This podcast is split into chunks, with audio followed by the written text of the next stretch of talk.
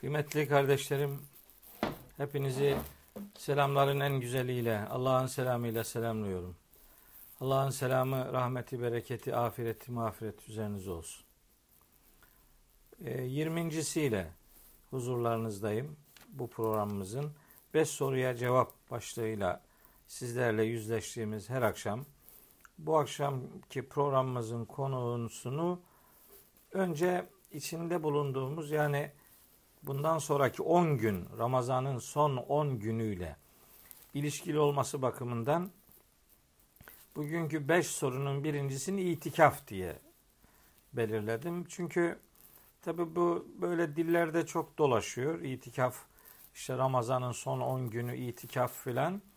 Ee, bir kısmı tabi oturaklı bir sunum yapılmadığı için de yani sanki e, bu böyle kültürel bir şeymiş gibi sunuluyor ya da milletin algısında böyle bir yer ediniyor bu kavram.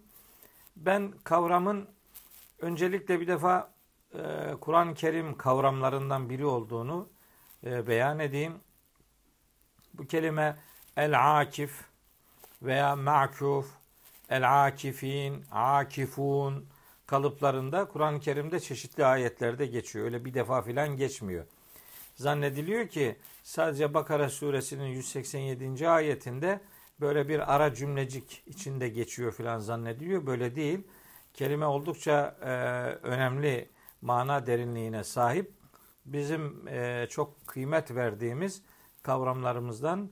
Fakat uygulamada yeterli karşılığı e, maalesef ümmet olarak e, göstermediğimiz için böyle yabancı bir kavrammış gibi duruyor.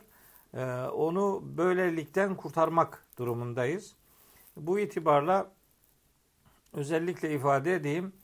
İtikaf bizim için kendini bir yere hapsetmek, e, bir şeye yoğunlaşmak, böyle bir kendinelik üzerinden kelime manası veren bir kavramdır ve Ramazan ibadeti, Ramazan ayı, oruç, işte teravih filan gibi kavramların yer aldığı Bakara suresi 187. ayette bir boyutuyla geçer bu kavram.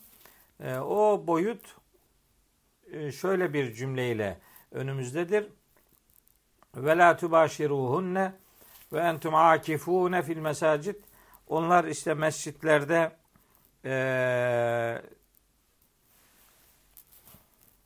itikaftayken eşlerinizle filan e, yakınlaşmayın diye bir ayet-i kerime cümlesidir bu. E, bizim bu kavramla ilişkimiz sanki e, Hazreti Peygamber'in hayatındaki işte küçük bir detayı karşılıyor gibi algılanıyor. Halbuki Hazreti Ayşe'den gelen rivayetlere göre ki bizim hadis kitaplarında Buhari'de, Müslim'de filan Ebu Davud'da böyle itikaf diye özel konu başlıkları var. E, ve Ramazan, savun e, başlıklarında da itikafa geniş yer verildiğini biliyoruz. Yani külliyatımızı açınca e, oralarda bu kavramın e, epey bir yer tuttuğunu görüyoruz. E, bu Kur'ani bir kavramdır. Ben asıl ona dikkat çekmek istiyorum.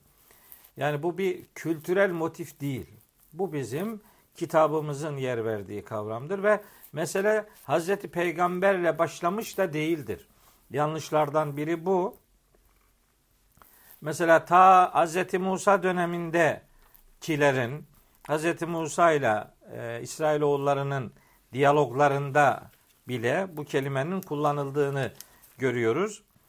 E, şeyde geçiyor. Araf suresi 138. ayette işte bir bir kavim buldular İsrailoğulları işte denizi geçtikten sonra. O putlara boyun bükmüşler. Putlara e, kendilerini adamışlar.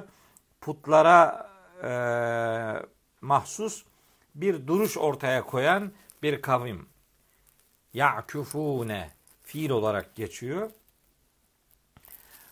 Ama meselenin daha eskisi de var. Yani Hz. Musa ve İsrailoğulları ile ilgili olan o kullanım e, tabii ki olumsuz içerikte bir kullanım ama kelimenin mana itibariyle o dönem içinde muhteva olarak, içerik olarak e, kullanılan e, bir hayat gerçekliği olduğu anlaşılıyor. Ama daha eskiye gidip Hz. İbrahim dönemine, Hz. İsmail, Hz. İbrahim birlikteliğinde de e, bu kavramın aslında kullanıldığını biliyoruz. Bakın Bakara suresi 125. ayette Rabbimiz buyuruyor ki ve ahidina ila İbrahim ve İsmail. Biz İbrahim ve İsmail'den söz almıştık ve onlara ahit vermiş. Demiştik ki en tahhira beytiye taifin benim evimi tavaf edenler için temiz tutun. Vel akifin yani kendini ibadete adayan, ibadete boyun büken, ibadete kapatan insanlar için ve rükke'i sucud ve rükû eden, secde eden insanlar için e, beytimi temiz tutun. Demek ki el akifun yani itikafa kapanmak daha Hazreti İbrahim dönemine kadar giden bir geçmişe sahiptir. Dolayısıyla biz meseleyi e, nevzuhur, Hazreti Peygamberle başlamış gibi algılamayalım. Bu doğru bir okuma olmaz. Mesela Hac suresi 25. ayette de El Akif kalıbında geçer bu. E, Fetih suresi 25. ayette ma'kufen diye geçer vesaire. Yani bizim e, kullanımımızda olan bir kelime bu. Peki ne deniyor? Teknik olarak, terim olarak bu ne anlama geliyor? Ya işte kendini bir yere kapatmak, bir yere hapsetmek. Hani bir anlamda kendine çeki düzen vermek. Ramazan'ın son 10 günü peygamberimizin her Ramazan bunu yaptığına dair rivayetler var. İşte o rivayetler Kur'an'ın e, Bakara suresi 187. ayetinin işte uygulamaya konulma biçimidir. Yani sünnet dediğimiz peygamberimize nispet edilen bu uygulamalar aslında ayetlerdeki teorik buyrukların hayata taşınma, yansıtılma biçimine deniyor. Kur'an sünnet bütünlüğünden kastımız da budur bizim zaten. Yani sünneti Kur'an'ın rakibi gibi, paydaşı gibi görmek durumunda değiliz. Bizim için sünnet Kur'an'ın yapın dediği uygulamaya dair prensiplerinin Hz. Peygamber tarafından hayata aktarılması işlemine, eylemine deniliyor. Bu itikaf böyle bir sünnet yani yapılan bir e, göndermeyi peygamberimizin hayatında uygulamasıdır itikaf. Şimdi bu namaz e, kılınan hatta işte bir takım şartlar belirlenmiş. Tabi bu şartlarda işte cuma kılınan mescit mi olur, işte en büyük mescit mi olur, e, yoksa cemaatle namaz kılınan mescit mi olur, mescit dışında mı olur, işte kaç gün olur, kaç saat olur, erkeklere mi aittir, bülü şartı var mıdır, kadınların da itikafı olur mu olmaz mı gibi böyle bir şey var, bir edebiyat var, böyle devasa bir şeyden söz ediliyor. İşte tabii o kadar büyük detaylara girince işte işin e, ne bileyim asıl e, ruhu, asıl mazrufu e, kaçıyor gibi geliyor bana. Oldukça Kur'an'ın sade sunumuna e, hani teslim olup peygamberimizin de bunu hayatında uyguladığını bilerek meseleye bakınca bence hiçbir problem yok. Detaya da gerek yok. Bunun mescitlerde olduğu belli. Ve entum akifune fil mesacit. Mescitlerde itikaftayken. Eğer başka mescitlerde olmuyor denseydi ve entum akifune fil mescidin nebeviyyi derdi.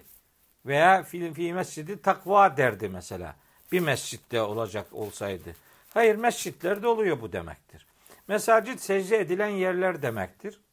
Şimdi bu virüs ortamı nedeniyle herkes evinde. Tabi mescitlere falan gidilemiyor maalesef. Yani sanki Allahü Teala demek istiyor ki yani haşa tabi hata yaparsam af dilerim. Yani mescitlerin hakkını veremediniz. Al şimdi sizin elinizden aldım mescitleri. Mescidi Haram'ı da işte kapattık. Böylece Mescid-i Nebevi de gitti. Mescid-i Aksa da gitti. Hepsi gitti filan. İnşallah bayramdan sonra inşallah o güzel günlere yeniden döneceğiz nasip olursa iyi gidiyor e, süreç. İnşallah bu sıkıntılı ortamdan kurtulacağız. Şimdi hazır evlerdeyiz. O zaman kendini eve hapseden ve bu hapis e, yani kendini evin içerisinde e, durmakla e, mecburiyet içinde hissettiğimiz şu ortamda Aslında günün belli saatlerini hiç olmazsa zaten evden çıkamıyoruz. Ee, bu hiç olmazsa evin içini belli bir yeri bir namaza, bir ibadete tahsis etmek ve itikafın asıl ruhunu e, hani cesedini değil de ruhunu yakalama noktasında bir duruş evin içerisinde de e, sağlayabiliriz. Böylece kadınlar yapabilir mi, erkekler yapabilir mi, nedir ne değildir filan gibi böyle bir e, detaya da girmeye gerek kalmaz. Evlerimizi bir itikaf hane gibi görebilir ve ne kadar yaparsak o kadarının iyi olduğunu söyleyebiliriz. Ayet-i kerimede herhangi bir süreden söz edilmiyor. Peygamberi uygulamanın 10 gün, son 10 gün olduğu beyan ediliyor. 10 gün de olsa, 10 saat de olsa belli ki kendinle baş başa kalma ve hayatına çeki düzen verme noktasındaki bir duruş e, elde edilmesi arzu ediliyor. Bu önemli uygulamanın, bu Kur'ani uygulamanın hayatımıza yansıtılması gerekir. Ben itikaf denince aklıma hep e, Hz. İbrahim'in ben Rabbime gidiyorum sözü gelir. E, Hz. Musa'nın e, Rabbim benimledir e, sözünü hatırlarım. E, ben itikaf denince hep Hz. Peygamber'in Hira mağarasındaki o tefekkür halini hatırlarım. Bizim tefekküre konu olacak herhangi bir duruşumuz Allah'ın izniyle e, adına terim olarak itikaf denmese de işlev olarak benzer bir e, fonksiyon icra edeceğimiz için Rabbimizin bunu bizden ibadet olarak kabul edeceği inancını taşıyorum. Bunu da sizinle bu vesileyle paylaşayım istedim. İkinci anlatmak istediğim konu bugün e, bugüne dair kısaca cevap vermek durumundayım. Kur'an-ı Kerim'de geçen levh-i mahfuz kavramı var. Levh-i mahfuz. Levh-i mahfuz ne demektir diye soruyor kardeşlerimiz. Yani bakın ayet-i kerimelerde Rabbimizin kendine ait bilgi verdiği, zatıyla alakalı bilgi verdiği şeylerin manasını anlarız fakat hakikatını bilemeyiz. Yani Rabbimizin varlığına iman ederiz. Varlığının eserlerini görürüz ama onun varlığını tanımlayamayız. Onun varlığı bilinir fakat varlığının hakikatinin ne olduğunu biz bilemeyiz. Çünkü onu benzetebileceğimiz hiçbir şey yok. Çünkü onun dengi hiçbir şey yok. Allah'ın zatıyla alakalı hatırınıza ne geliyorsa bilin ki Allah o değildir diye bir güzel söz vardır. Ma hatara bi balik zalik. Yani aklına, usuna Allah'la ilgili ne geliyorsa bil ki Allah onun dışındadır. Leyse kemislihi şeyun. Onun benzeri gibi bir şey asla yoktur. Ve lem yekullehu küfüven ahad. Onun dengi hiçbir şey yoktur. O zaman Rabbimizin zatıyla alakalı verilen bilgilere iman edilir. Allah bilendir. Onun bilgisinin, bilgi merkezinin ne olduğunu biz bilmeyiz. Onun hakikatını biz bilmeyiz. Çünkü onu bilmek için bir şeye benzetmemiz lazım ve Rabbimiz benzetmenin konusu değildir. Şimdi diğer sıfatlar da öyle. Allah öncesizdir. Allah bakidir. Evveldir, ahirdir, zahirdir, batındır. İşte 99 tane sıfatı daha da fazla isim ve sıfatı var. Esma-i Hüsnası var. Bunların hakikatinin ne olduğunu biz bilmeyiz. Biz Rabbimizin bu sıfatlarının olduğunu bilir, bunlara inanırız. Ancak hakikatte bunun Rabbimizin zatı ile ilgili neyi karşıladığını bilemeyiz. Allah alimdir. Allah gaybı da şehadeti de bilir. Allah bütün gayblerin yegane bilenidir. Allah bütün gaybın anahtarları katında bulunan kudrettir. Allah'ın bilgisinin dışında hiçbir şey yoktur. Allah alimdir, alimdir. Tamam. Allah'ın bilgisi öncesizdir, sonrasızdır. Allah bir şeyi olduktan sonra bilir değildir. Allah her şeyi oldu, olmadan, olunca, olduktan sonra da her haliyle bilir. Allah'ın ilim sıfatı bir kayıt kaldırmaz. İşte levh-i mahfuz da Rabbimizin ilim sıfatının bir başka ifadesidir. Kavram olarak levh-i mahfuz korunmuş levha demektir. Ve her şey levh-i mahfuzdadır beyanı var. Bürüç suresinde başta Kur'an-ı Kerim olmak üzere. Kur'an-ı Kerim Rabbimizin kelam sıfatıdır. O levh-i mahfuzda bulunduğu ifade edildiğine göre anlaşılıyor ki levh-i mahfuz Rabbimizin bilgi, ilim sıfatı ile alakalı bir kavramdır. Korunmuşluk üzerinden tanımlanır. Onda bir eksiklik, bir kaçak, bir kaybın olamayacağına gönderme yapıldığı anlaşılır. Böylece bizim Rabbimizin zatına ve sıfatlarına dair duruşumuz bir iman eksenli duruş olarak ortaya konulmalıdır. Bunların varlığına mutlak surette inanılır. Mesela Allah'ın arşı, Allah'ın kürsisi, Allah'ın eli, Allah'ın yüzü, Allah'ın avucu, Allah'ın sağ eli, ne bileyim Allah'ın elleri, Allah'ın gözü, Allah'ın gözleri gibi ifadeler var. Bunların kelime olarak anlamını biz biliyoruz, biliyoruz. Ancak bunların hakikatinin ne olduğunu asla ve asla bilemeyiz. Çünkü onları bilmek, onları bir şeyle sınırlandırmayı, onları bir şeye benzetmeyi beraberinde getireceği için Rabbimiz sınırlamanın da benzetilmenin de muhatabı değildir, konusu değildir. Levh-i mahfuzu Rabbimizin ilim sıfatı korunmuşluk üzerinden onun bilgi sıfatı olarak algılar ve böylece onun varlığına iman ederiz. Buruç suresinde zaten son ayette bu kavram yer almaktadır. Kelamullah olması itibariyle Kur'an için söz konusudur. Rabbimizin kelamı Kur'an olduğuna göre, kelam bilginin görüntüsü olduğuna göre levh-i mahfuzudur. Rabbimizin bilgi, ilim sıfatıyla ilişkili olarak e, konuşlandırabiliriz. Anlayıp imanımızı böyle şekillendirebiliriz. Bugün sizlere aktarmak istediğim üçüncü konu biraz e, tabi dikkat çekici, e, herkesin öyle ya da böyle dilinde olan bir konu bu nazar. Şimdi Kur'an'da nazar ayeti var mıdır kardeşim diye böyle bir gündemi var Müslümanların.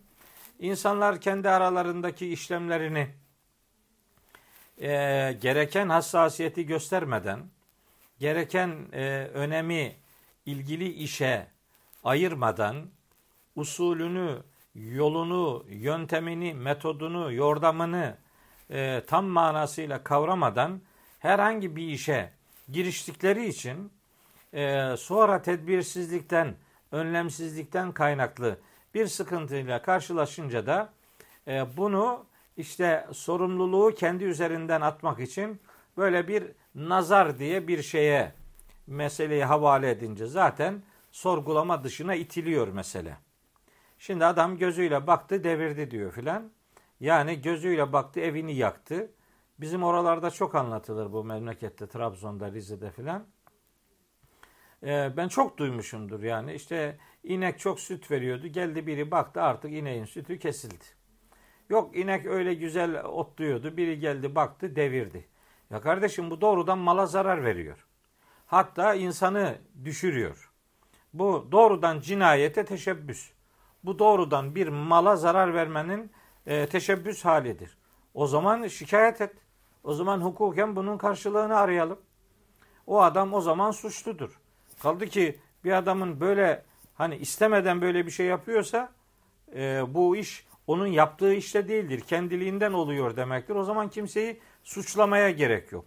Yok bunu iradesiyle yapıyorsa o zaman suçludur. Hesabını sormak lazım. Verdiği zararı ondan tazmin etmek lazım. Bunun hukukta karşılığını oluşturmak lazım vesaire. Ya değil mi? Yani bir sürü iş var şimdi işin içerisinde. Bu nazardan öyle oldu. Bunun gözü orayı yıkar, burayı devirir filan gibi böyle insanları e, hani peşinen onlara da haksızlık yani. Belli insanlara yok bilmem göz rengi şöyle olanın işte baktığını deviriyor filan gibi. Yani böyle şeylerle e, yani sorumluluklarımızı önlem alma görevimizi e, elimizin tersiyle itme anlamına gelebilecek yaklaşımlara daha mesafeli durmamız lazım. Efendim İslam kültüründe var mı? Var İslam kültüründe. İşte bu nazarla alakalı ama bir takım sözleri de maksadını aşarak söylüyorlar. İşte nazara inanmayanın işte dini yoktur gibi filan böyle bir şey asla ve asla doğru değil. Böyle ne, ne demek yani e, dinle alakalı dinin esaslarından biri değil bu.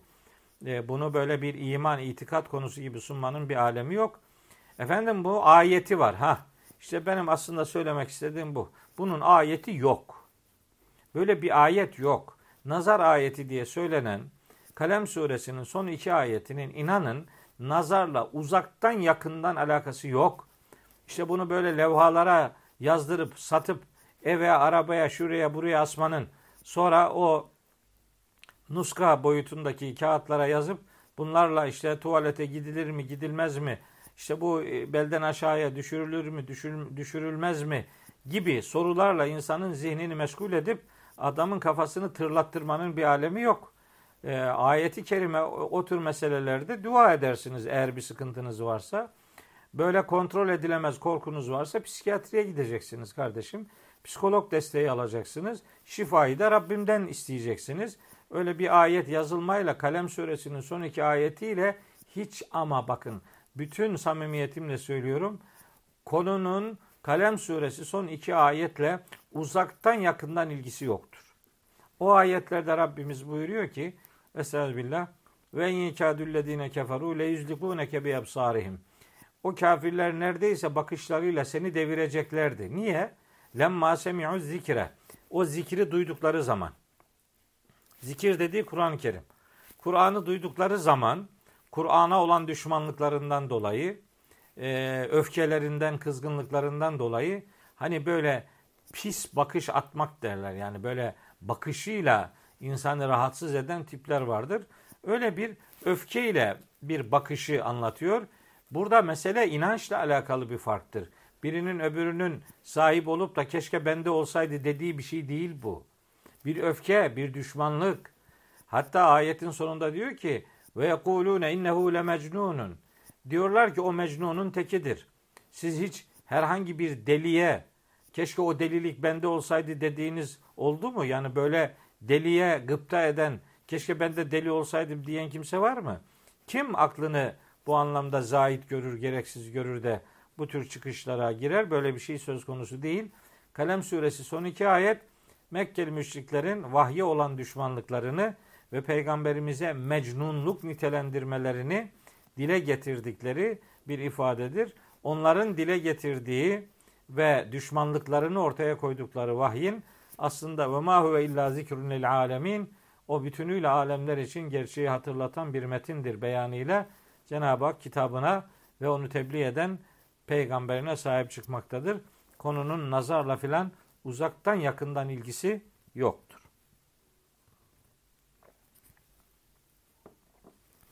Bugün sizinle paylaşmak istediğim dördüncü konu e, bu da çok soruluyor. İşte gusül abdesti alınınca bununla namaz kılınır mı diye. Yani bu soruyu da ben bir türlü anlamıyorum. Yani ne demek? Bunu niye soruyorsun ki? Yani bu sorulacak bir şey değil ki. Bu şuna benzer. Abdeste ayakları meshetmek yerine yıkadığım zaman bu Mesih yerine geçer mi? E tabi geçer. Ne demek yani? Daha büyüğünü yaptın. Daha garantilisini yaptın. Daha kapsamlısını yaptın.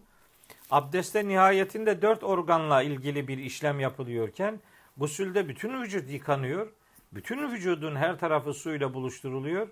E bütün vücut suyla buluşturulmuşken kalkıp da e, bir daha namaz abdesti alma zorunluluğu yok. Ama sen gusül abdesti aldıktan sonra bir de namaz abdesti alırsan ne olur? Bir şey olmaz al.